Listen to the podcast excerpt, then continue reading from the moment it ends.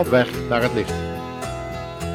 Welkom luisteraar in het familieprogramma van de Stichting Adulam, waarin we ons nieuwe thema getiteld Tekenen van de Eindtijd willen introduceren. Het zal u ongetwijfeld interesseren, want steeds duidelijker zien we de genoemde tekenen om ons heen zichtbaar worden. Luistert u weer mee?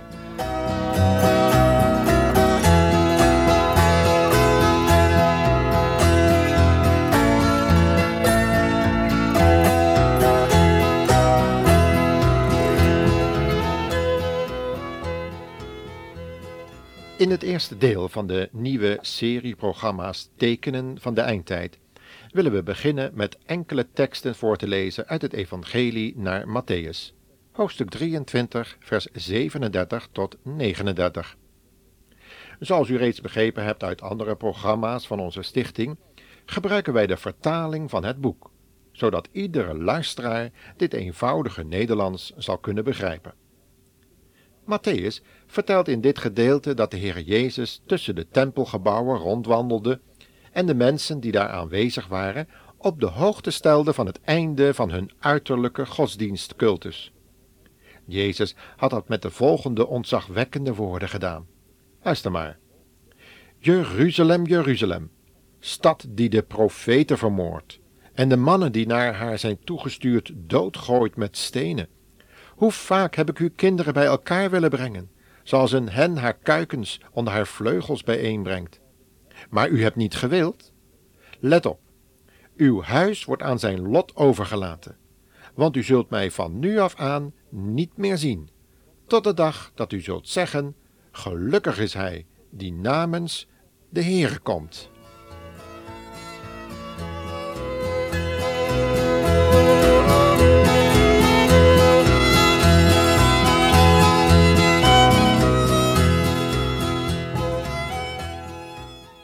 Van jongs af aan waren de Joden gewend geweest om minstens eenmaal per jaar naar Jeruzalem op te trekken, om daar aan hun God de gewijde offers te brengen, volgens de oude inzettingen en rituelen van Mozes en koning David. Vooral de schriftgeleerden en de fariseeën waren diep geschokt en ontstemd over de woorden van Jezus. Hij had hen immers als huigelaars afgetekend, en dat nog wel waar het gewone volk bij was. Hij had hen beschuldigd van medeplichtigheid op de moord van profeten in het verleden. Zij die in Gods naam de leiders en het volk tot bekering en oprechtheid hadden gemaand. Maar de mensen hadden niet willen luisteren in die tijd, en de laatste grote profeet van de oude bedeling, Johannes de Doper, was zojuist gedood. Enkelen hadden zich onder die prediking bekeerd en zelfs Romeinse soldaten waren in hun geweten geraakt en lieten zich dopen. Het was een scherpe boodschap die deze wonderlijke profeet bracht. En ze hadden zich dan ook laten dopen tot de naam van de spoedig komende Messias om van hun zonden afgewassen te worden. Toen deze Messias zich echter aandiende, konden de leiders hem als zodanig niet erkennen. De reden was omdat zij verstrikt zaten in hun eigen zonden, hun huichelarij en vrome verblinding, zodat ze de schriften en de daarbij aangegeven tekenen, die wezen naar de komst van hun Messias, niet verstonden. Paulus zal later zeggen dat er een deksel op hun hart lag.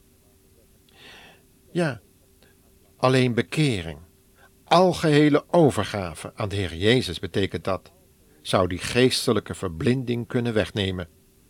Maar ze waren onwillig, zoals Jezus dat reeds gezegd had.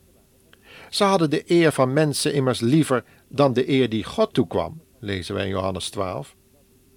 Er zou echter een moment komen dat ze vol ergernis moesten toezien hoe het gewone volk met vreugde de Heer Jezus als de beloofde koning Jeruzalem zou binnenhalen, hoewel dat spoedig zou eindigen met de woorden Kruist hem, kruist hem.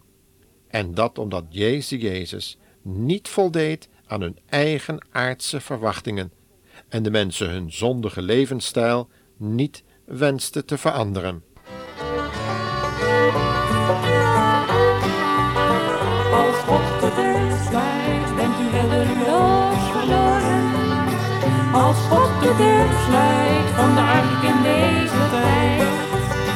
Dan kunt u roepen, maar hij zal u niet meer horen. Dan blijft u achter in de grote aardse strijd. Hij wil u redden uit de wereld van het kwade. Hij biedt aan iedereen het eeuwige leven aan. Want zonder Jezus heeft het leven toch geen waarde. Dan zal de mensheid reddeloos ten onder gaan.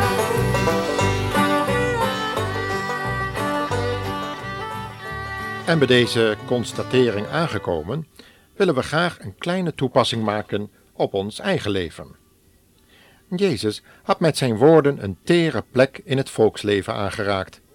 De Joden waren als volk over de hele aarde verstrooid en onderling verdeeld.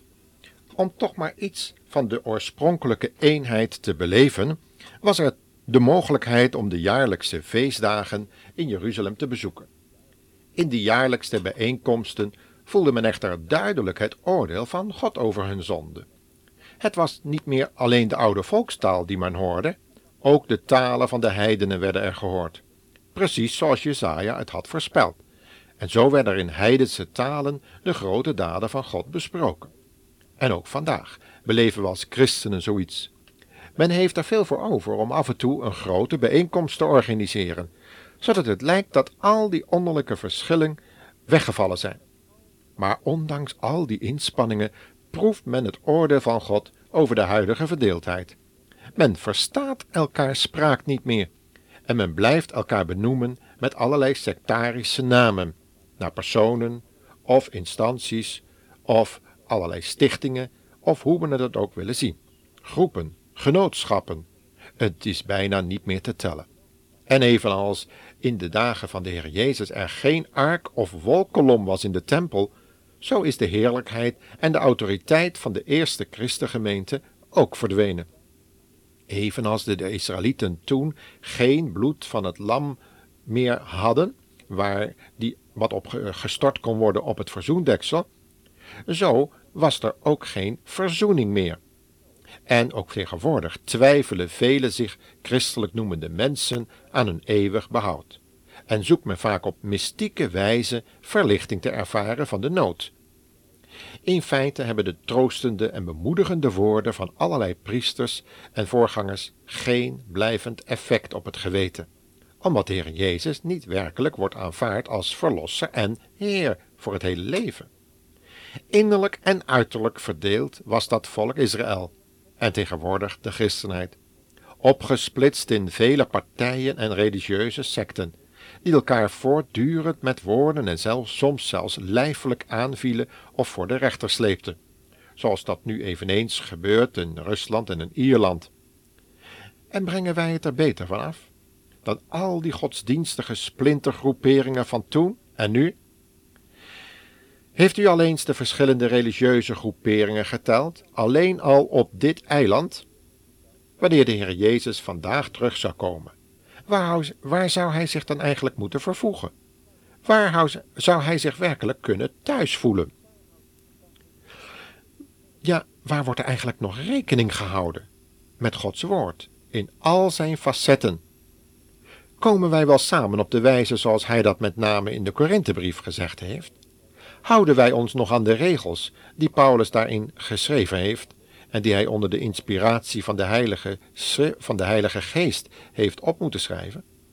Komen wij samen op de wijze zoals hij dat werkelijk daar heeft neergeschreven? Of beleven we de tijd van de richteren, waar ieder handelde zoals het goed was in eigen oog? Met alle gevolgen van dien immers. Hoeveel onreinheid, wereldse vermenging van gedachten, onheilige verbintenissen, oosterse meditatietechnieken en wat niet al laten wij in de kerk toe. Ja, het is treurig gesteld met wat we om ons heen zien. En toch blijft de Heer Jezus nog met ons bezig. Hij roept ons nog steeds op.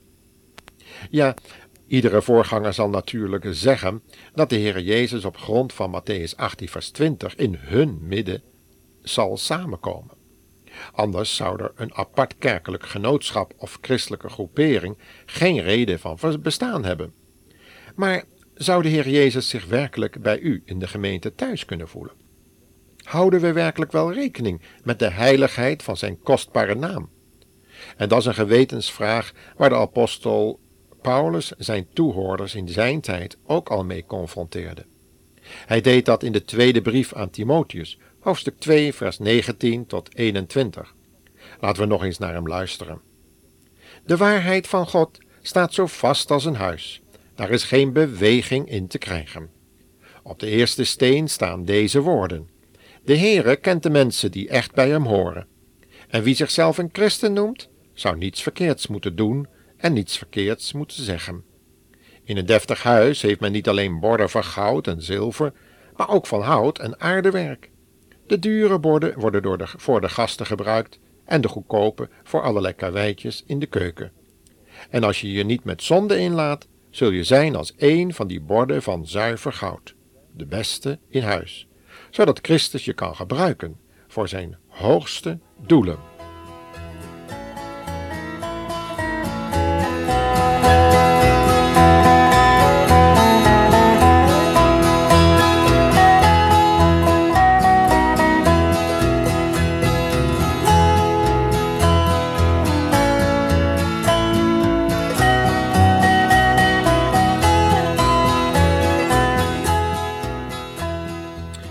Jezus Christus zelf is de waarheid van God, geopenbaard in het vlees en zichtbaar geworden voor de engelen en de mensen, schreef Paulus al in zijn eerste brief aan Timotheus, hoofdstuk 3, vers 16. Mensen die bij Jezus willen horen en er ook naar willen leven, behoren dus bij het huis van God en vormen samen de ware tempel van God, een huis waar God dus in kan en wil wonen.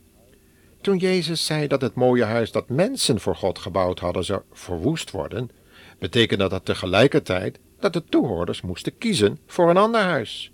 Kiezen om hun eigen geestelijke huis of onderdak in te leveren, te verlaten. Toen was het de toenmalige tempel van Herodes, of het geestelijk onderdak dat u nu heeft. Maar als het unieke zoenoffer en bloed van het lam van God er niet meer is, ja, dan roept God u om tot Jezus te gaan, buiten elke godsdienstige legerplaats om. Ja, buiten de legerplaats, daar roept de schrijver van de Hebreeënbrief in hoofdstuk 13 de gelovige hoorders toe op. En dan zei de Heer Jezus zelf in Johannes 10, vers 3 tot 5: De schapen spitsen hun oren als de stem van de herder klinkt. Hij roept zijn schapen bij name en brengt ze naar buiten. En als alle schapen buiten zijn, dan gaat hij voor ze uitlopen. Zij volgen hem, omdat zij zijn stem kennen. Maar ze zullen zeker niet met een vreemde meegaan. Ze zullen voor een vreemde op de vlucht slaan, omdat ze zijn stem niet kennen. Evenals bijna 2000 jaar geleden de Joden een plaats en een huis van eredienst kenden, kennen christenen dat nu ook. Wij noemen dat een kerk of een godsdienstige groepering. Maar de leer van Jezus in het Nieuwe Testament geeft ons te kennen dat God een geestelijk huis heeft. Petrus zegt in 1 Petrus 2, vers 5 hiervan: U moet zich door God laten gebruiken als levende stenen, waarmee Hij zijn geestelijk huis bouwt. En dat niet alleen. U bent ook de heilige priesters die door Jezus Christus zo veranderd werden dat zij God geestelijke offers kunnen brengen, die voor Hem aanvaardbaar zijn. Wanneer we dus zo de huidige wereldwijde en kerkelijke verdeeldheid onder christenen bekijken, begrijpen we waarom de Heer Jezus in de Bijbel als de goede herder wordt voorgesteld, die de schapen bij name uit al die kerkelijke verdeeldheid roept. Hij nodigt ze. En dan reageren die mensen die nederig genoeg zijn om te erkennen dat ze leiding van de Heer Jezus nodig hebben en het in eigen kracht niet meer aankunnen. In de Bijbel is de naam van elk mens die door Jezus geroepen wordt, zondaar.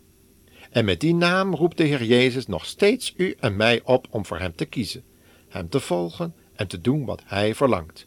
Met name omdat alle uiterlijke erediensten vernietigd, weggenomen zullen worden, hun kracht zullen verliezen. Zoals de Heer Jezus in Matthäus 24 ook reeds heeft gezegd. Ja, en zo waren er ook in de dagen van Jezus momenten dat de mensen vol bewondering voor hem waren. ja hem zelfs tot de koning van hun leven wilden verklaren, omdat ze zoveel wonderen en tekenen zagen. En in deze tijd beleven we dat opnieuw: wonderen en tekenen. Maar is nu nu werkelijk het kenmerk van de aanwezigheid van de Heere Jezus Christus? Of is het juist het kenmerk waarover de apostel Paulus het had in de tweede Thessalonicense brief, waarin hij schrijft over een andere Jezus, een andere geest en een ander evangelie, waar hij ook in 2 Korinthe 10 over sprak en 11. Ja, men hoort tegenwoordig dat elke godsdienst goed is. En dat in feite de Godheid, ja, de Christusgeest, in de mens zelf woont. En dat die slechts de gelegenheid moet krijgen door middel van meditatie zich te kunnen manifesteren door tekenen en wonderen, genezingen, krachten en wat niet al. Nee, beste luisteraar, laat u niet door al die Oosterse meditatietechnieken bedriegen. De krachten en tekenen en wonderen die daarbij openbaar komen, zijn die van de antichrist, waarmee hij zelfs koningen zal bijeenvergaderen tot de grote krijg. Bent u klaar voor het onthullende moment dat de Heer Jezus zich werkelijk zal openbaren als de koning van de koningen en de Heer der heren? En als de goede herder van de schapen ze zal roepen om naar hem te gaan in de hemel, om ze los te maken van deze aarde? Zij die vermoeid en belast zijn vanwege al die vermenging, vanwege al die zonden die gepaard gaan met vroomheid, maar zonder leven. Beste luisteraar, spoedig zal de Heer Jezus terugkomen. De tijd is kort. Laat u door deze uitzending uitnodigen om uw knieën te buigen en schoon schip te maken voordat de Heer Jezus terugkomt om wellicht u te halen of te oordelen. Geloof niet in hen die zeggen: God is liefde en hij oordeelt niet. De Heer Jezus is ook een heilig God, die de zonde niet kan verdragen. En mensen die de zonde weigeren te oordelen en weg te doen, zullen zeker voor een rechtvaardige en een, en een heilige God verschijnen, die moet oordelen. Wanneer het oordeel over de Heer Jezus, wat is uitgesproken op het kruis van Golgotha, niet wordt aanvaard, en wij niet bereid zijn met Hem te sterven en ons oude leven in te ruilen voor Zijn leven, dan blijft er niet anders over dan het eeuwige oordeel van God, die met vlammend vuur wraak zal doen over allen die niet hebben willen luisteren, die een God van liefde kennen die de Bijbel niet op die manier schetst. Want de liefde van God komt uit in de gehoorzaamheid aan Jezus Christus. In de volgende programma's zullen we verder gaan vanuit Matthäus 24 en 25 en zien hoe God ook voor u de toekomst wil openen. Luistert u dan weer mee?